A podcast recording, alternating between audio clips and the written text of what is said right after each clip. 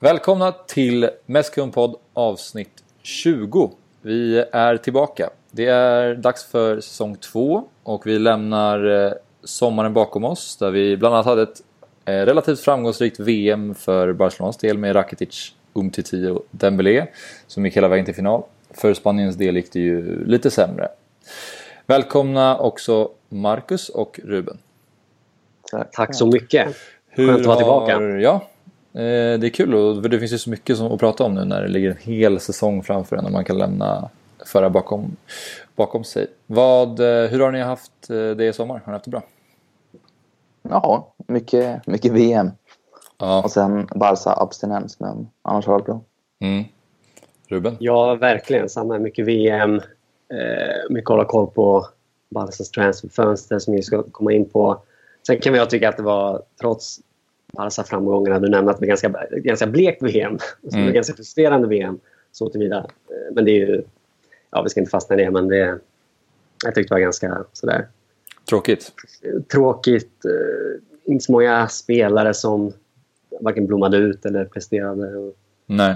ska få stories, liksom. Eh, få snygga mål och sånt där. Men Mm. ja, ett annat avsnitt. Ja, no. Nej, min bild var att det- ju, ju mer VM det blev, ju mer Sverige följde jag. Och sen när Sverige åkte ut, då var det lite så här, det finns inga bra lag kvar. Jag vet inte riktigt. Jag vill bara att England inte ska ta någon medalj. Det var det viktigaste för mig. det var typ Samma så. här.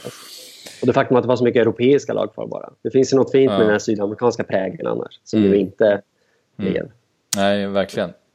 Och, eh, och även om, det lyckas, om något afrikanskt lag lyckas ta sig till slutspel kan det ju vara extra kul. Men nu kom de inte ens vidare från gruppspelet. Senegal som åkte ut på fair play mot Japan som rullade av matchen. Det är tråkigt. Eh, bra, men eh, nog om sommaren. Vi går direkt in i eh, vårt avsnitts första moment som är transfersommaren. Eh, Barcelona har ju värvat en del och de har släppt en del spelare. Hur eh, upplever ni eh, transferfönstret? Bra eller inte så bra? Ja, över, över förväntan i alla fall. I alla fall min förväntan när vi klev in i det var ju inte att det skulle sluta så här. För om man kollar på utkolumnen på de här transferlistorna så är det ju ganska... Inga supernamn som har lämnat, om man säger så. Mm. De är hyfsat hårt kritiserade alla, ja, alla sju som jag räknat till. Gomes, Mina och Vidal och hela gänget. Mm. Så det är ju nästan det största plusset av allt, att så mycket dödkött är borta. Sen är det ju fina värvningar också, men det är ingen som kliver rätt in i elvan. Nej, Men det är jättebra tillskott såklart. Jag gillar, jag gillar begreppet dödkött. Det kändes ganska spot on. Det, det är lite så. Det känns som att man har rensat liksom på helt rätt sätt och fått bort eh, sånt som inte riktigt har behövt. Det är Ja, kanske, kanske, mm, det kanske är Paco som egentligen också inte riktigt är, Ja, är näst, liksom nödvändig för truppens eh, framgångar. Men ja, jag håller med. Vad tycker du Ruben? Nej, jag håller väl med. Det- Det är väl just det faktum att, att eh, det, man lyckas sälja så, så många spelare som gör att det blir ett riktigt bra fönster. Eh, sen... Och ska man ju nämna att vi faktiskt hittills som, som landet ligger så har vi faktiskt tjänat pengar den här transfersommaren. Vilket ju är, det är ju faktiskt anmärkningsvärt. Ovanligt. Ja, det, alltså ovanligt i stort men ovanligt vad gäller liksom, Mm. Barcelona sett till de senaste säsongerna. Mm.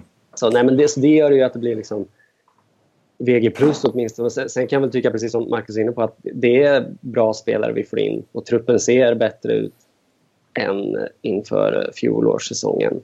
Och det är såklart otroligt förtroendegivande och eh, jag tycker väl att eh, eller så här, min känsla var, om du skulle fråga mig för ett par veckor sedan, en månad sedan, så skulle jag väl ha svarat att, att kanske skulle behövt en till riktigt bollspelande mittfältare. Mm. Sådär. En de Jong eller Mm. en eh, ja, men, eh, Thiago såklart. Det var, det var ju liksom förhoppningen länge. Men, just nu är liksom... Precis just nu känner jag väl att, att det faktum att Rafinha har sett så otroligt bra ut för Ja. säsongen. Mm. faktiskt. Det ska vi komma in på mer. Men att han har sett så bra ut att det kommer lite spelare underifrån som vi, som vi också ska komma in på. Så just nu är ju känslan att mittfältet känns ganska färdigt, Mm. trots allt. Trots de ganska djupa problemen som existerade bara för ja, men, eh, några månader sedan. Det, ja, det, det, det känns ju eh, ganska bra. Vilket ju nästan, man, man vågar knappt Ja. säga det högt, men ja, det Mm. känns, eh, Mm. känns bra. Och truppfront. mycket har ju också att göra med, kan jag tycka, att de Galactico-värvningar som gjordes förra fönstret, alltså Coutinho i vintras och sen Dembélé förra sommaren, gör ju också att det finns större utrymme för att värva kanske inte lika kända namn. Att liksom, de offensivt eh, tydliga stora pjäserna är, är redan satta i laget så, så länge man inte gör sig av med dem. Så det gjorde, underlättade ju lite för, för ledningen att, slippa ha det, det kravet hängandes över sig att vi måste få in en eh, Neymar eller en Griezmann eller någon, någon, något sånt namn. Som var lite känslan när Neymar lämnade förra året att nu måste vi kompensera med och då blev det den här panikvärvningen av Dembélé. Och den fanns inte fullt lika tydligt den här, det här fönstret. Vilket gjorde också att man kunde fundera kanske lite längre och lite mer djupgående förhoppningsvis. Och därför så fick man in till exempel Arthur som visserligen redan var klar i vintras-ish. Eh, Malcolm känns ju väldigt spännande och kul att man värvar någon som är så pass bra är min känsla från en så pass, inte liten men i alla fall det är ingen stor klubb som man har plockat honom från. Sen eh, värvningen i sig, hur den hanterades var väl, går ju att ifrågasätta som, som vanligt. Barca-värvningen. Men, eh... sen, kan, förlåt, jag men sen, sen kan jag känna så här, hur bra det, än, det här fönstret än har blivit och det, det känns som att vi är ganska överens om det. Eh, att utfallet har varit positivt så, så ska man väl ändå ha klar för sig att de av allt att döma att de ville ha William och att de ville ha Griezmann, det vet vi om. Mm. Ja. så min känsla är väl lite att, att det nästan har råkat bli så här lite grann. Ja. Det är klart att det enda, enda vi kan... Det är klart att ledningen förtjänar cred för, för att de sätter de här värvningarna till slut. Vare sig det är, det är liksom plan 3, 4 eller 5. Men, men det faktum att plan 1 var Griezmann för en miljard och William för en hel massa pengar. Det, tycker jag liksom, det gör att jag, vill, jag drar mig lite för att mm. ge eh, firma Abidal och Planes och Segura all cred. Men det där med Abidal och, Abidal och Planes, det var inte jättelänge sedan de klev in i tiden. Det är klart, maj, slutet på maj. Och åtminstone ja, Griezmann-ryktena var ju... Precis, det lär ju ha legat längre. Mm. William, jag vet inte hur de, väl inblandade de var där. Det är möjligt att de ville ha en väldigt gärna och misslyckades helt enkelt. Mm. Men annars är känslan att när de kom in och sen de kom in så har det styrts upp och blivit proffsigare. Liksom. Eller bättre i alla fall. Mer mm. väl genomtänkt. Tycker mm. jag. Mm. Ja, men det... Lite överraskande. För att jag kommer ihåg tongångarna när de kom. Det var ju liksom Planes. Han kom från Getafe, han har varit i Espanyol. Det var ingen, inget super-CV han kom med. Um, och sen Abidal hade ju ingen erfarenhet av sportcheferi. Han kom utan CV. Ja, exakt. Så det var ju... Ja. Ja, ja Ruben? Nej, men det, du skrev ju om det väldigt bra tycker jag i din blogg på vår sida, Marcus, att, det, att känslan var lite att Abidal och Planer skulle... Att det är lite, ja, men det är lite rökrig då, att Segura kanske skulle ändå dra i trådarna i bakgrunden. Ja, det var ju farhågan i alla fall. Ja, precis. Och det, det, är ju så, det är väl lite tidigt att utvärdera, men det är ju... Är det så som man hoppas då att, att Segura får ja, lite mindre ansvar, det, ju, det, kan ju bara vara positivt för klubben. Exakt. Det, eh, med tanke på hur det har sett ut de senaste säsongerna. Så det är ju liksom förhoppningen nu att, att det inte blev som, man, som du och, och, många andra, jag själv inblandad, mm. ja, var rädd att det skulle bli. Nej, sen vet man, man har ju ingen tydlig insyn i Abidal och Plannes arbete såklart. Exakt. Eh, så man får ju spekulera lite hur det ser ut eh, bakom stängda dörrar. Men det man kan säga är ju att så här, Abidal kan man ju lite sen innan eftersom han spelade i Barca man tycker om honom och han känns ju som, han känns ju som en bra människa. Det, det finns ju någon form av mänsklig faktor i att han ska nu eh, vara sportchef. Eh, och den tydliga Barca-kopplingen, att man, man hoppas ju att han kan bidra på ett annat sätt än bara någon eh, generell kontorsnisse kommer in liksom och ska dra i det. Och det hoppas man ju att man får någon form av eh, eh något resultat i det liksom. Att han kan eh, bidra på så sätt. Mm. Men det är svårt att veta. Men eh, vad, eh, vad känner ni kring eh, Lenglet? Eller hur ni nu vill uttala det? Ja, precis. Vi satt och pratade om det innan avsnittet. Nu. Hur, hur ska vi egentligen uttala de här mm. alla nya namnen? Men, nej, men Longley, jag tycker att han är, det är ju definitivt en uppgradering från Jeremina. Hur bra Jeremina än såg ut i VM. Mm. Liksom. Men eh, han, han gav ju faktiskt ett ganska flängigt intryck mina, under de få matcherna han fick spela. Och Longley är ju dels varit bra i Sevilla tycker jag, det lilla jag sett eh, av honom där. Men jag tycker också nu att döma försäsongen. Han, han känns otroligt bolltrygg och han känns väldigt färdig. Liksom. Långt ifrån flängig. Liksom. Ja. Man får ett väldigt tryggt intryck. Mm. Plus att han som sagt det känns liksom Barca bra med bollen. Så där, så. Det, det, det känns väldigt eh, på det torra vad gäller mittbackar eh, inför den här säsongen. Ja. Mm. Ja, men vad... Om vi ska försöka summera transferfönstret, vad ger ni det för betyg 1 5? Ja, men det, för mig landar det på en fyra. Det gör det. Jag saknar den här riktiga... Den här spelaren som kliver in i startelvan och verkligen förbättrar laget Mm. direkt för att det ska bli en femma. Men fyra och fem. Ja, jag håller med. Jag tycker man saknar den personen som Ruben pratade om. En, en Verratti-typ. Alltså någon som verkligen kliver in. Ja, någon stjärna liksom. Ja, men, alltså, precis. Men det behöver inte vara heller att det är någon som är ett enormt namn. Men bara att det känns Nej, det är så här, sant. en perfekt bolltrygg spelare. Arthur är ju lite det, men han är ju också ganska defensivt eh, lagd i min bild av det. Han är liksom stark och, Mm. och håller bort och, och spelar vidare. Men någon som är också lite kreativ som kanske kan eh, figurera mellan sittande mittfältare och tia. Alltså som ändå kan... Som, som har lite mer kreativitet i, i spelet. Vi får ju se, man ska inte döma Arthur för, för fort. Jag tycker han ser väldigt bra ut. Men eh, om man hade fått in en sån typ också, då hade jag sagt en femma också. Men jag tycker också det är en fyra. Mm. Nej, jag håller väl med ungefär. Det, är- det är väl lite sådär, lite frågan hur Valverde kommer att spela. Man har ju en sorts naiv förhoppning att vi ska hitta ganska långt tillbaka till vårt katalanska typ av spel. Och, och för den händelse att vi ska spela på det sättet, ja, då, då är väl känslan att det kanske skulle behövas, som vi är inne på, att, att det kanske behövs en, ännu lite fler fötter. Liksom. Men, eh, och kreativitet, som du är inne på Axel. Men jag kan väl känna att så som jag misstänker att, att vi kommer att spela så tror jag att truppen är ganska bra byggd. Då, då är jag glad över att det finns en Vidal där. Jag tror rent kvalitativt tror jag, tror att, tro, tycker jag att truppen är ganska bra byggd sett till hur jag tror att Valverde kommer att spela i slutändan. Det, Mm. sådär. Men, men det är ju det är återigen, då hamnar man i det här vad, vad, man, vad är idealet kontra verkligheten lite grann. Och, och sådär. Men eh, Mm. ja, det, jag måste säga att jag, jag, jag tycker att just med tanke på att det, det är möjligt att jag drar lite stora växlar av, av försäsongen eller av hans försäsong. Men, men jag tycker att Rafinha ser... Jag, jag har varit liksom otroligt imponerad av honom under försäsongen. Mm. Det, det, jag tycker att han ser liksom oförskämt bra ut med bollen och ser stark ut och arbetsvillig. Jag tycker liksom, plötsligt känner jag att han är en, en spelare att räkna med. Och han är ju, om än inte liksom en Thiago så... Ja, det, de, de, jag kan inte vara inte för så långt ifrån. Hans brorsa. Liksom. Ja. där, jag, jag, jag vet inte, det, det får mig att eh, känna ganska stort hopp inför, inför den här säsongen. Ja. Det här mittfältet. Men om man tar de fyra. Malcolm, Vidal, Arthur och Lenglet. Vem tror ni kommer vara, liksom, tror ni någon av dem kommer vara start i, säg att de spelar en viktig Champions League-kvart?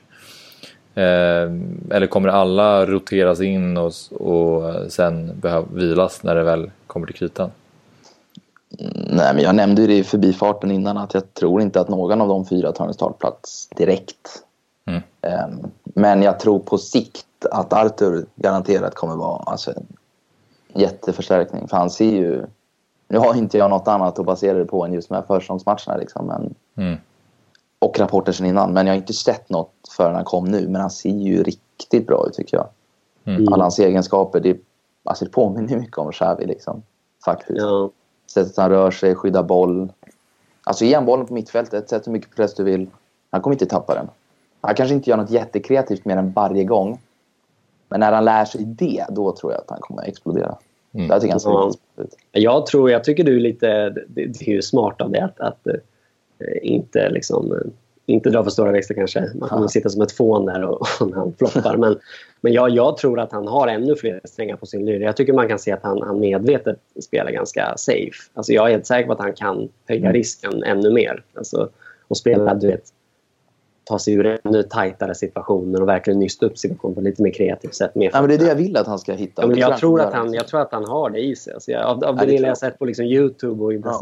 så här, jag, jag, jag jag tror och hoppas att han kan glida upp det där ännu mer. Alltså, Mm. Absolut. faktiskt.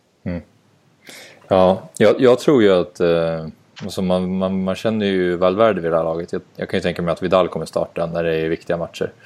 han, mm. han ska in och kötta liksom. Han, det, det blir årets Paulinho.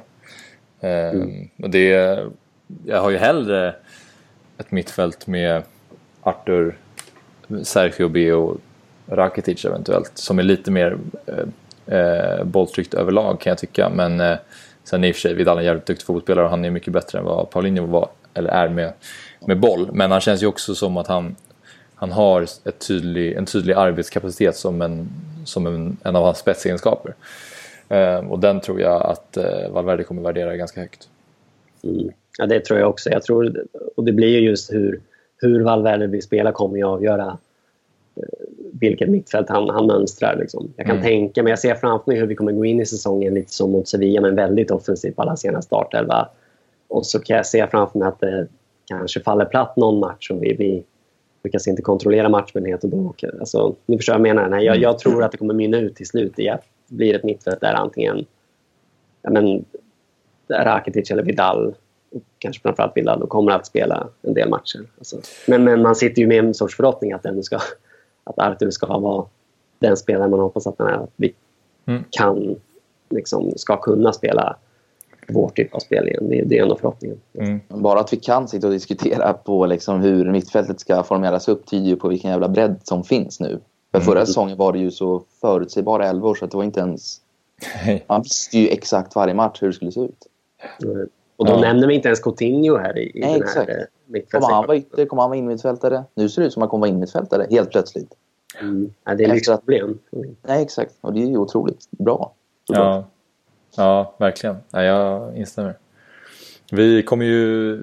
Tanken är att vi i slutet av avsnittet ska få välja ut varsin startelva som vi gärna ser eh, som den elva som man själv skulle tagit ut om det var en viktig match. Ehm, sen så är det här det vi skulle göra idag. Sen får vi se hur säsongen eh, ser ut och vilka spelare som presterar och inte. Och sådär. Men hur vi skulle gjort om det var en viktig match idag, vilka som skulle spela. Men vi går vidare till eh, sommaren och eh, USA-turnén. Ehm, de träningsmatcherna där i USA. Jag såg inte så många av dem såg ni matcherna? Vad har ni kort att säga om dem? Eller ni får välja om ni pratar generellt eller om någon specifik match. Ja, jag såg eh, två av de tre matcherna. Eh, och eh, det, det, är svåra, det är svåra matcher att, att bedöma i och med att man liksom bytte hela lagen i halvtid. Och det var ju mycket så att vi, vi tog, eh, Barca tog ledningen mot riktigt bra lag som mönstrade riktigt bra startelvor. Tottenham bland annat som hade ett, ett ganska slagkraftigt lag eh, på banan. Så där. Det var ju mycket att vi tog ledningen, spelade väldigt bra första halvlek och sen tappade allt andra halvlek. I och med att, det, att man bytte ut hela laget mot ja. en sorts B-betonad elva. Mm. Men eh, så det är liksom prestationerna hela matchen är svåra att bedöma som helhet. Så, men det, det är just det, vissa pjäser man tittar lite extra på. Det är utöver Arthur som vi, som vi har varit inne på nu, som ju sett väldigt sådär imponerande ut, så, så är det ju såklart eh, Ricky Push som, som eh, liksom, han är ju på alla släppar just nu. Och, och, det med rätta kan jag känna. Han ser faktiskt otroligt spännande ut. Om än ganska ofärdig. Det, det, jag såg till exempel på Juan Gamper-matchen häromdagen. Mm. Eh, och han var ju sådär imponerande igen. Och otrolig, otroliga vändningar och ser väldigt sådär flinkfotad ut. Mm. Eh, på, på, på, I positiv bemärkelse. Och det, men han är ju, han har ändå, står ändå bort en del passningar och ser inte helt färdig ut. Han, är ju, han flyger som en vante. Han är ju så teknisk att han lyckas, lyckas undvika kontakt med spelare men när han väl, när han väl hamnar i en duell med spelare så han flyger som en vante. Alltså han... Och känslan är att han är så långt ifrån fysiskt färdig så att hans bredsidespassningar ser ju lösa ut ibland. Ja, det, han, han liksom, om någon skulle säga till mig att han är 12, jag skulle inte, jag skulle inte säga emot. Han, är, och det, jag minns, ja, det är otroligt. Men han är ju fantastisk såklart. Mm.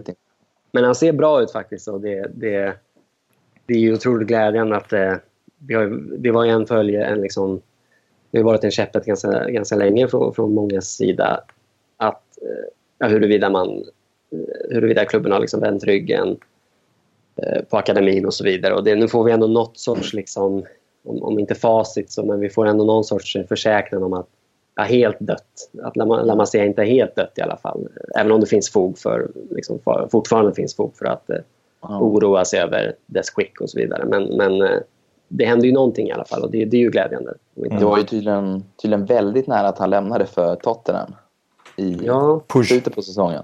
Ja, mm. push, exakt. Push! Men eh, B-lagstränaren då, den nya Pimienta som kom in i slutet, ska ju tydligen ha övertalat honom ja. till att stanna. Så det var ju... Nej, alltså, jag läste ganska mycket om det och, det och det är ju såklart oroväckande att man ens leker med tanken att släppa honom. Sen, jag, sen kände jag lite när, när liksom hela världen plötsligt skrev om, om det, att jag kände lite, ja men nu har vi, honom, vi har ju faktiskt förlängt med honom nu. Alltså, ja. det, det, det liksom ägnas, det, nu med facit så känns det som att det, det har liksom ägnats tre gånger så mycket uppmärksamhet åt Ricky Push och det faktum att han nästan försvann jämfört med typ Sergio Gomez som vi pratade om förra säsongen, som vi faktiskt ja, tappade. Det skrevs knappt om, eller det, det skrevs ju om, men inte alls lika mycket om, i, i min känsla. Och det finns något skevt där i känner jag bara. Men, men, men jag håller med, det är klart det är... José Arnaiz som vi pratade om mycket förra säsongen.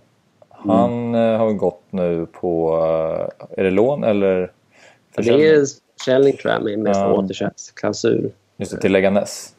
Leganes, ja, han, han är ju lite äldre, han är 23. Han är ju fortfarande inte... Han är inte alltså Puj är ju född 99 liksom. Så att han är ju en talang fortfarande. Och det beror på var man vill dra gränsen någonstans. Men eh, José Nice, han, var ju, han såg ju bra ut förra året. Men det var ju aldrig riktigt så att man kände så här. Här har vi nästa Neymar. Så att eh, det kanske inte gör så mycket att han har gått ja, det, det kände man faktiskt aldrig. Han. Men han var ju också, du säger att han var äldre och han kom inte heller underifrån på det sättet. Han köptes ifrån Valladolid tror jag, mm. säsongen mm. dessförinnan. Och, mm. ja. och, han, och så skadade han sig också, vilket gjorde att han inte... Ja, så kom Coutinho och Dembélé kom tillbaka. Så det, det kändes ju... Ja, tuff sits ja. nice. Ja, faktiskt. Det kändes oundvikligt så som det har blivit. Ja. Men eh, duellen mellan eh, Kukureya och Miranda då? Ja. Mm. Nej, det var ju lite oväntad utgång för, i alla fall för mig som inte följer B-laget stenhårt. Liksom. Man har ju hört mycket om Kukureya i flera år nu egentligen. Mm. Och väntade bara på att han skulle kliva upp och få chansen. Liksom. Mm. Och nu får han chansen och då finns det någon där, Miranda, som är bättre. Och han var ju bättre under USA-turnén faktiskt. Miranda var ju riktigt bra då. Mm. Även om jag tycker att han var lite darrig nu mot, eh, nu senast, var det i Gamper-matchen. Mm. Jag tänkte säga det att jag tycker liksom var, var, varken Kukurey eller Miranda sett så här jättebra ut. Miranda så här, absolut bra. USA tyckte han var bra. Så. Ja, ja, kanske. Inte, liksom, man halvsov ju nästan matcherna. faktiskt. Men, men, eh, men det, det känns på något sätt hopplöst. För det, spelar, det känns som att det spelar någon roll vilken vänsterback som kommer fram. Alba är, det känns som att han, Alba är den enda som kan lösa det det är liksom, för varje år som går så, så cementeras den känslan mer och mer. I synnerhet med tanke på att Alba är ett, ett utpräglat anfallsvapen. Det är inte så att han är en, en vänsterback i mängden utan han, han assisterar ju Messi mer än vad Suarez gör. Så att, eh, ja, och vikten... han, och Messi har ju någon sorts liksom, telepatisk grej där. Ja. Så det är klart att Alba är väldigt snabb men det finns andra snabba vänsterback som inte, skulle, mm. som inte har den där strängen på sig. Det, det, är, det är nästan märkligt hur, hur bra de kombinerar. Mm. Det, det, det, är nästan tröstlöst för, för, för vilken annan vänsterback som helst. Men det som är alltså det som känns bra i alla fall att man, om man har Alba och sen när vi hade Ding eh, en spelare som har liksom en ganska stor lönecheck och bara sitter av tiden. Det känns mycket mer värt att ha en backup som kommer från ungdomsleden i Miranda ja, eller Cocoré. Alltså det känns som en jättebra lösning. Alltså, jag tänkte på det att man borde egentligen, det är bra att ha en bred trupp så man har lite backup, eh, dugliga spelare på, på samtliga positioner. Men man borde ju försöka så gott det går att ha eh, backup-spelare som kommer från egna leden. Så, vid, så, så länge de liksom håller tillräcklig klass. Men det känns som att många ändå är där och nosar. Alltså jag menar, man ska inte, om man tar de här cupmatcherna som exempel, då slänger man in i princip hela B-laget när man möter division 4-lag. Eh, men just i La Liga-matcher, om det är någon ordinarie innermittfältare som är skadad så kan man ju kasta in Puj eh, utan att det kanske skadar för mycket. Problemet är att ibland känns det som att så här, när Barcas tränare ska rotera då slänger de av Messi, Iniesta och ja, när han fanns kvar i truppen och alla andra stjärnor och så slänger de in lite för många orutinerade spelare. Eh, mm. Så jag tycker man borde varva liksom lite lugnare med en i taget när det finns utrymme. Mm. Ja, jag håller helt med, för det sammanhanget är så otroligt viktigt. Jag kommer osökt att tänka på Martin Ödegård i Real som ju han kommer inte bli något där i känslan. Liksom. Nej, jag är otroligt svag för, för honom. Jag tycker att han är...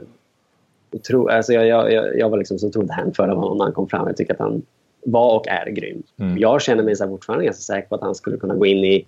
Om han med det i rätt omgivning och i rätt sammanhang skulle kunna gå in och göra bra ifrån sig. Men du vet, precis som du säger så slängs han in samtidigt som alla andra slängs in och då plötsligt då klaffar det inte på samma sätt. Och det, där, det där är något mm. jag tänker på ibland också. Mm.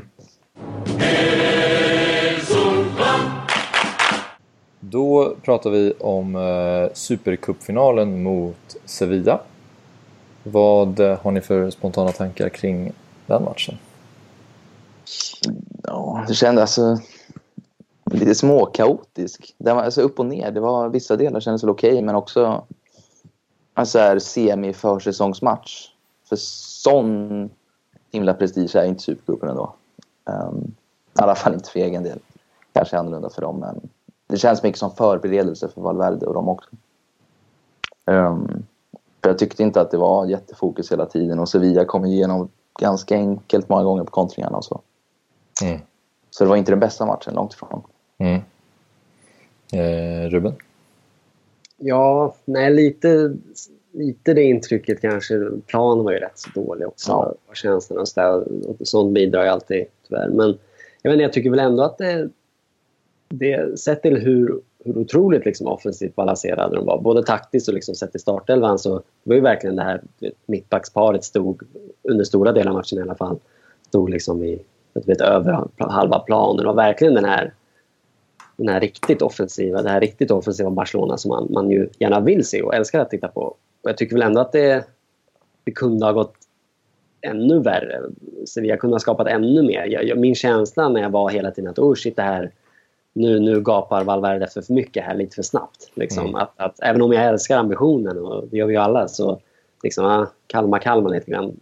Sådär. Men, men jag tycker väl ändå, och, och lite så jag håller väl med dig i viss mån, Marcus, att det, de kommer ju faktiskt igenom lite för enkelt, lite för ofta. Men jag, jag är ändå lite överraskad över hur bra det gick och jag känner att liksom, jag menar, Arthur var viktig i det, en, del, en ganska viktig del i det. Liksom att mm. det faktiskt flög ändå bollinnehavet. Och att man, nu, nu låg de ganska lågt, Sevilla. Man är, ju, man är nyfiken på... Eller så här, vi får inte svar på bollinnehavsfrågan förrän vi möter högt pressande lag. Mm till och med inte förrän vi mötte högt pressande bra lag. Mm. Men, men eh, det, det återstår att se. Liksom. Men, jag, men jag kände nog att det ändå var helt okej. Okay och, och jag, jag, tror väl inte... Även om jag, precis som vi pratade om innan, tror att det kommer mynna ut i en mer defensiv, lite mer defensiv variant av den här 4-3-3-grejen så, så tror jag väl ändå att den här matchen inte liksom gör att Valverde bara skriver av de, de planerna som hopplösa. Nej, så är det inte. Nej, jag, jag menar inte att du menar det. Men, nej, nej, nej. nej. Liksom, det, det, ja, nej, nu förstår jag menar. Det är ja. bra, men, men liksom, inte helt bra. Men ändå ganska bra. Mm. Ja, eh, nej men det... Jag, jag håller med. Och det, man, den, den tryggheten som fanns bakåt förra året var ju inte bortblåst, men det var ju verkligen inte där. Men det var ju som du säger för att han låg så offensivt viktat. Men det är just, det är, man föredrar ju det alla dagar i veckan framför det dödstråkiga som var ibland stundtals förra säsongen. När man bara blev tokig för att de inte utnyttjade hela registret. När man har sådana spelare som Dembélé plan som givetvis stod ut med sitt mål men jag tyckte också han var bra överlag och fick ut mycket av sina... Eller det var väl kanske fel ord. Han fick inte alltid ut allt i, i sitt duellspel men det känns som att han var aktiv och, och skapade ganska mycket eh, oreda och ville ha bollen. Jag tyckte han såg hungrig ut och det var ju, bara det kändes positivt. Eh, mm.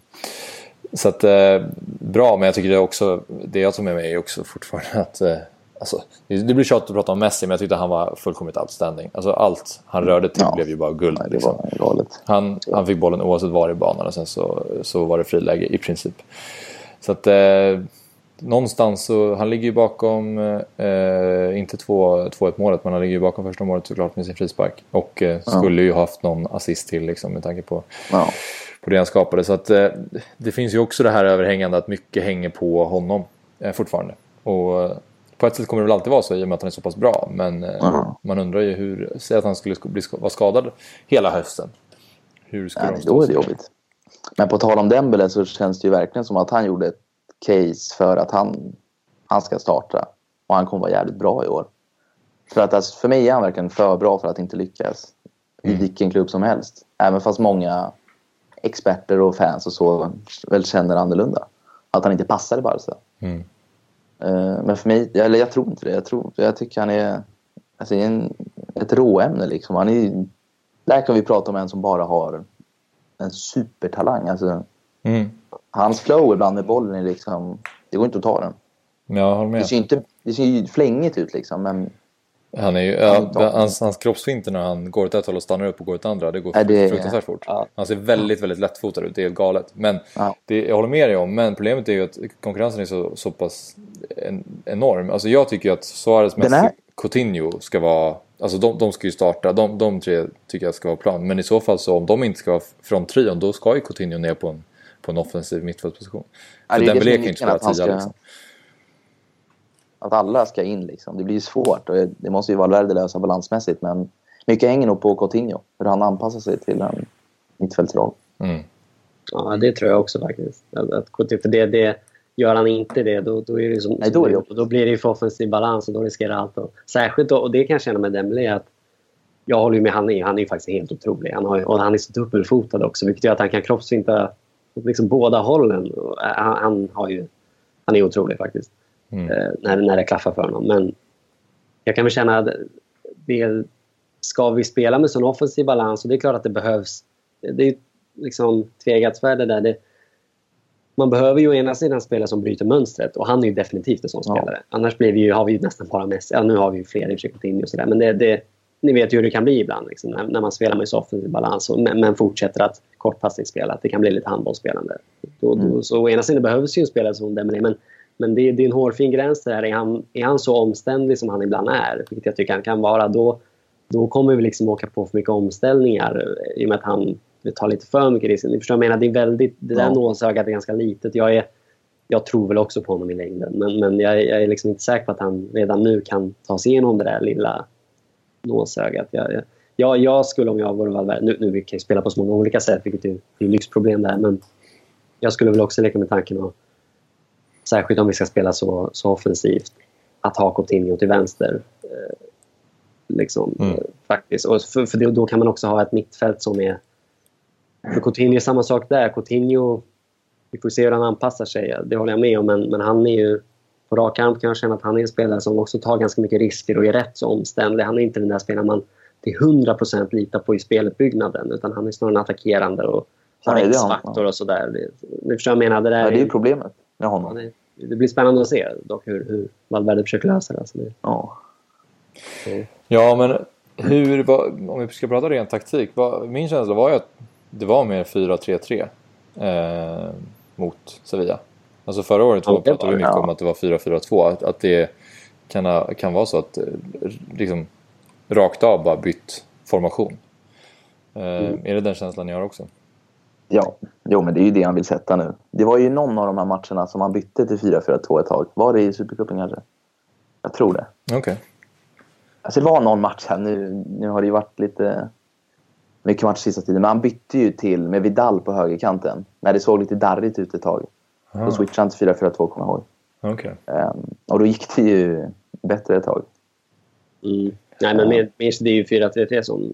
Exakt, det är den han vill sätta. Det här var en nödlösning. Det är också positivt att Dembélé spelade till vänster och var rätt så bra. Liksom. Eller väldigt bra till och med stundtals. Mm. Det, är ju, det är ju någonstans... Det är där han ska in då, ändå, eh, faktiskt. Om inte Coutinho, om Coutinho spelar på mittfältet. Och det känns ju... Alltså bara som att till varje pris slipper den här höger mittfältare-lösningen som Ja. Han insi- Valverde insisterade med förra säsongen. Det var, det var ju frustrerande.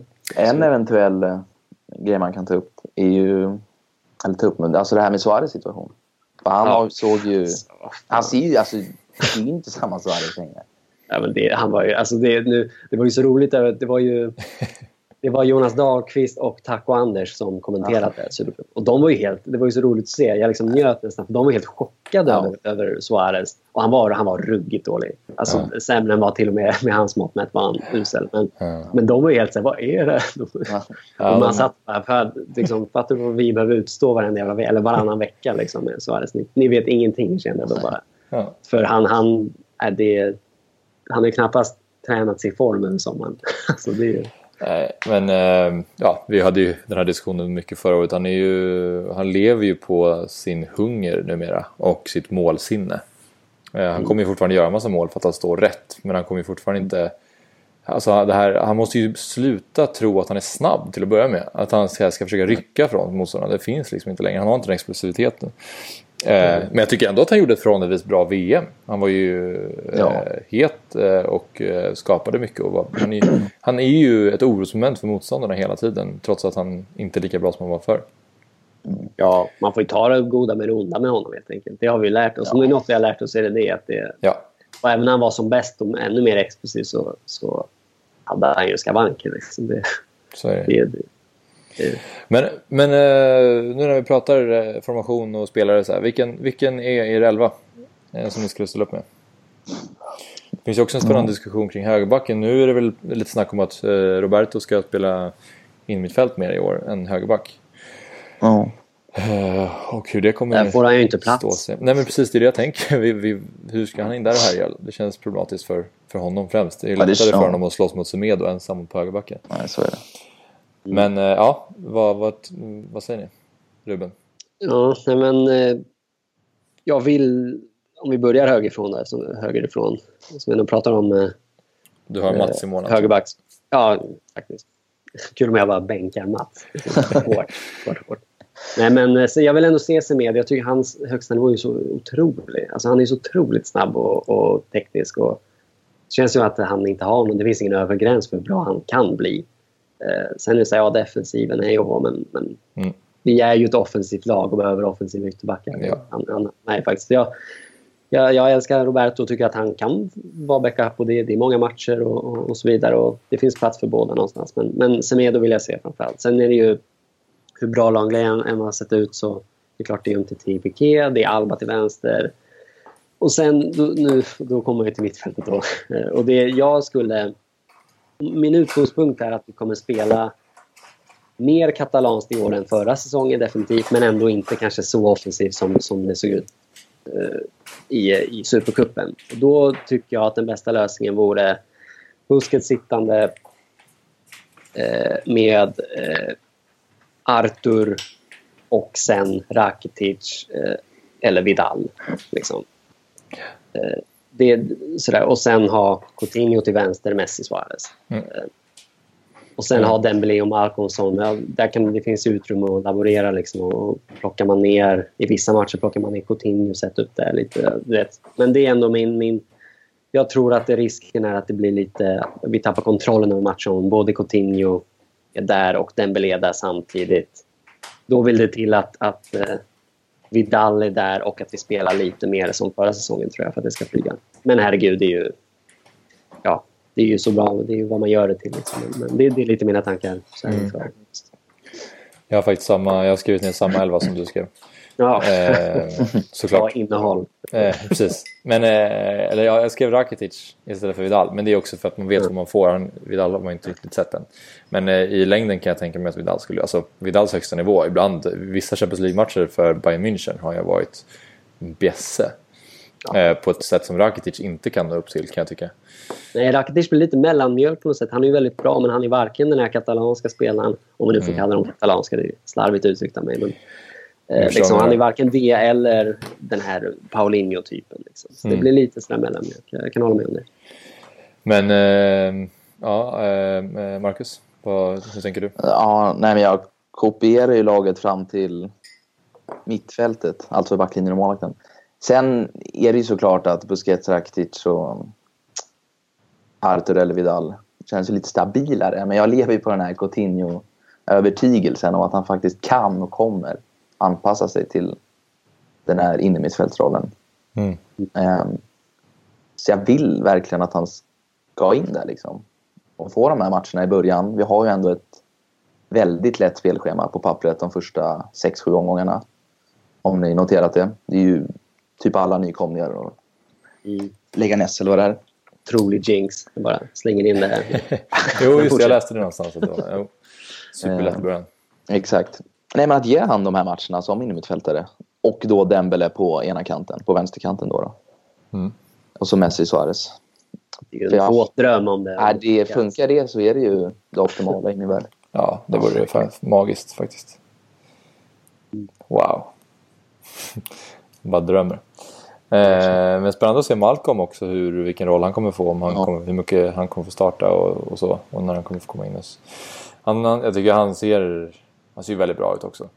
Mm. Sen han, tycker jag det här att han, att han, han är ju problematiskt är att han troligtvis kommer få spela till vänster i anfallet. Ja. Eftersom Messi drar åt höger. Han, jag, han, han, kan säkert vara bra där också men jag, jag, min känsla är att han kommer bli låst på vänsterkanten i och med att han är så vänsterfotad. Att han, mm. Jag känner att han vill vara en inåtgående. På samma sätt som att Coutinho fick spela högerytter förra året. Absolut, ja. ja det, det var ju en mardröm. Man satt ju bara och plågades varje gång man såg honom ja. bollen.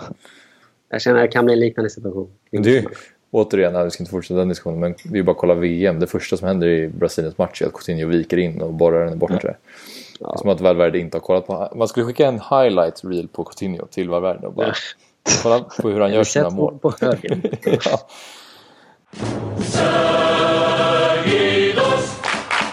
Hösten, hur, hur är känslan? Det, det känns bra va? Mm. Ja, verkligen. Nej, det gör ju det alltså, faktiskt. Och det, det som jag varit inne på lite, det får vi se hur, liksom, hur eh, riktigt hur katalanspelet blir. Men, men jag tycker rent kvalitativt så, och sett till hur Valverde, en tränare Valverde, så går vi in i den här säsongen med en riktigt bra trupp. Det, det tror jag. Liksom. Rustade för, för det mesta. Alltså. Och det, nej, det, så tillvida känns det otroligt roligt faktiskt. Jag tror vi kan gå långt i samtliga turneringar i år. Till skillnad från förra året där känslan var att vi inte skulle gå särskilt långt i någon, i någon turnering nästan. Ja. Nu vann vi ligan och cupen så men jag tror till och med vi kan utmana om Champions League i år eh, faktiskt. Sen ja, på, på, vilket det sätt det, det återstår att se liksom, om vi gör det på, på vårt sätt eller om vi gör det på Valverdes sätt. Liksom. Det, det får utkristallisera sig med tiden men jag tror att det finns förutsättningar för ja, både och egentligen faktiskt. Nej, det är klart att Barca ska vara längst fram i varje tävling. Liksom. Alltså kriga in till sista rundorna i Champions League, in till sista matchen i La Liga. Allt annat är ju fiasko faktiskt. Mm. Eh, för att truppen Barcelona har nu är ju... Ja, men jag vågar säga att den är topp tre i Europa i alla fall. Och det var den ju inte vid samma tidpunkt förra säsongen. Nej. Var känslan. Mm. Då var ju några lag, efter de där Supercupmötena mot Real, då var ju... Ja, då drömde man inte om någon CL-titel eller La Liga-guld eller vad det nu var. Nej. Nu är det ju helt annan situation. Och det och, känns ju inte som att något lag är klart före Barcelona. Nej, Nej det är, City har ju en otrolig bredd. Alltså det, jag satt och tittade på dem i någon, vad var det, Charity Shield eller vad, ja. vad det heter. Och det, alltså, de, de har ju otrolig bredd till att börja med. Så har de de här ungdomarna som kommer fram. De är Phil Foden till exempel. Så är det ju, men deras spets känns inte heller deras första elva är inte bättre än Barcelonas första elva. Nej, kanske inte. Nej, och jag tycker fortfarande som vi pratade om förra året när vi, när vi tippade CL att jag tycker City fortfarande inte känns... De, de, de saknar lite den här alltså tydliga eh, erfarenheten av stora turneringar. De har ju egentligen aldrig gått längre än till en semifinal i CL tror jag. Eh, och de har inte vinnarkulturen på samma sätt. Det är en grej att traska igenom Premier League. Eh, men att ta sig förbi Real, Barca, Bayern München i CL, det är helt andra, andra lag skulle jag säga. Så att jag, jag tycker ju City ser, de ser ju bara bättre och bättre ut varje år och eh, Peps arbete ser ju också bättre och bättre ut varje år. Men jag, jag tycker fortfarande inte riktigt att de känns helt, helt där. Vi får se. Det är lite som PSG, så här. de är bra i sina egna ligor, de har sjuk trupp men när det kommer till kritan och de ska möta de absolut vassaste då blir det lite luftslottskänsla. Mm. Ja, men det kan jag hålla med om. Jag, jag tänkte snarare på truppen. Liksom, just ja, men men en, en, vi ska ju också nämna, du skulle säkert komma till det Axel, men Atletico är ju, de är ju rustade nu på ett sätt som de inte har varit förut. Jag såg mm. på Supercupen mot Real och Thomas Lemar liksom kommer in och ger dem ytterligare dimension till spelet som de inte haft förut. Han var otroligt bra. Ja, alltså. otroligt faktiskt. Otroligt fin, fin i vändningarna och sådär. Ja. Mjuk i fötterna. Väldigt, väldigt bra.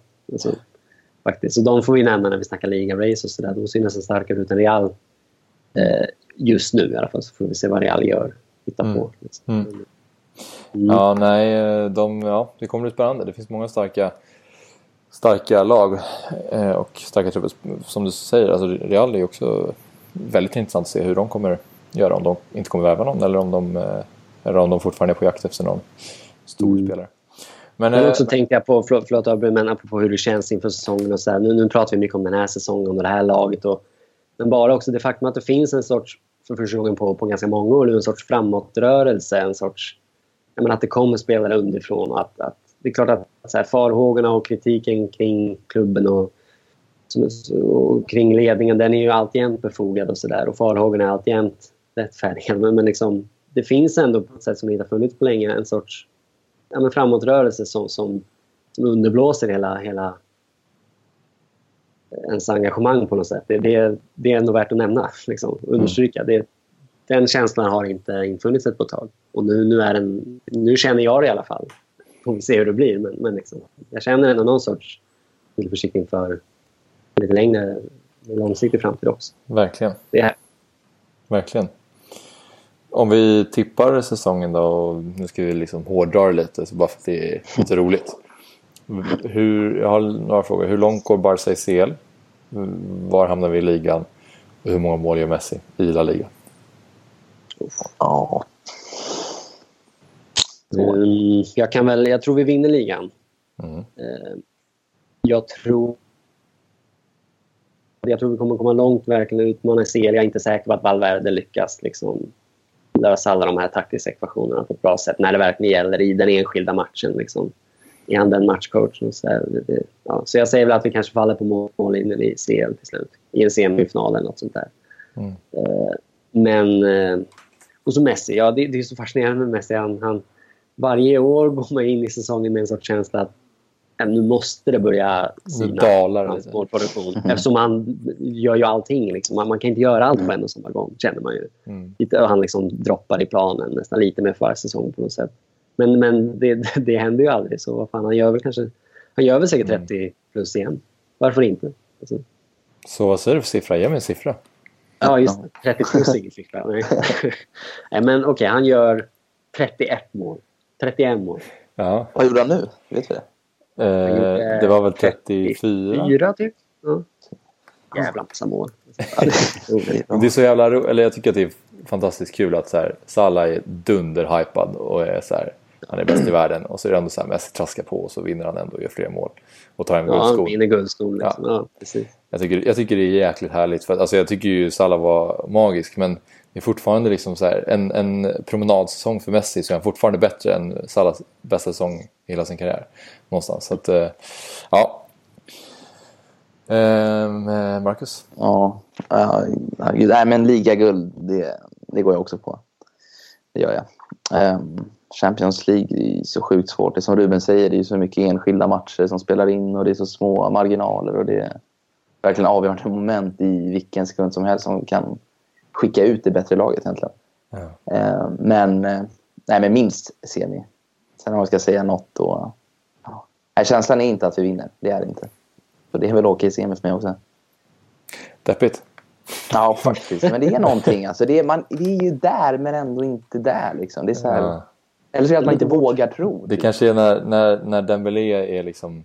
När han har, blommar ut fullt och Coutinho är satt i ja. sin eh, tia-roll. Det är då det nu tar vi det. Liksom. Ja.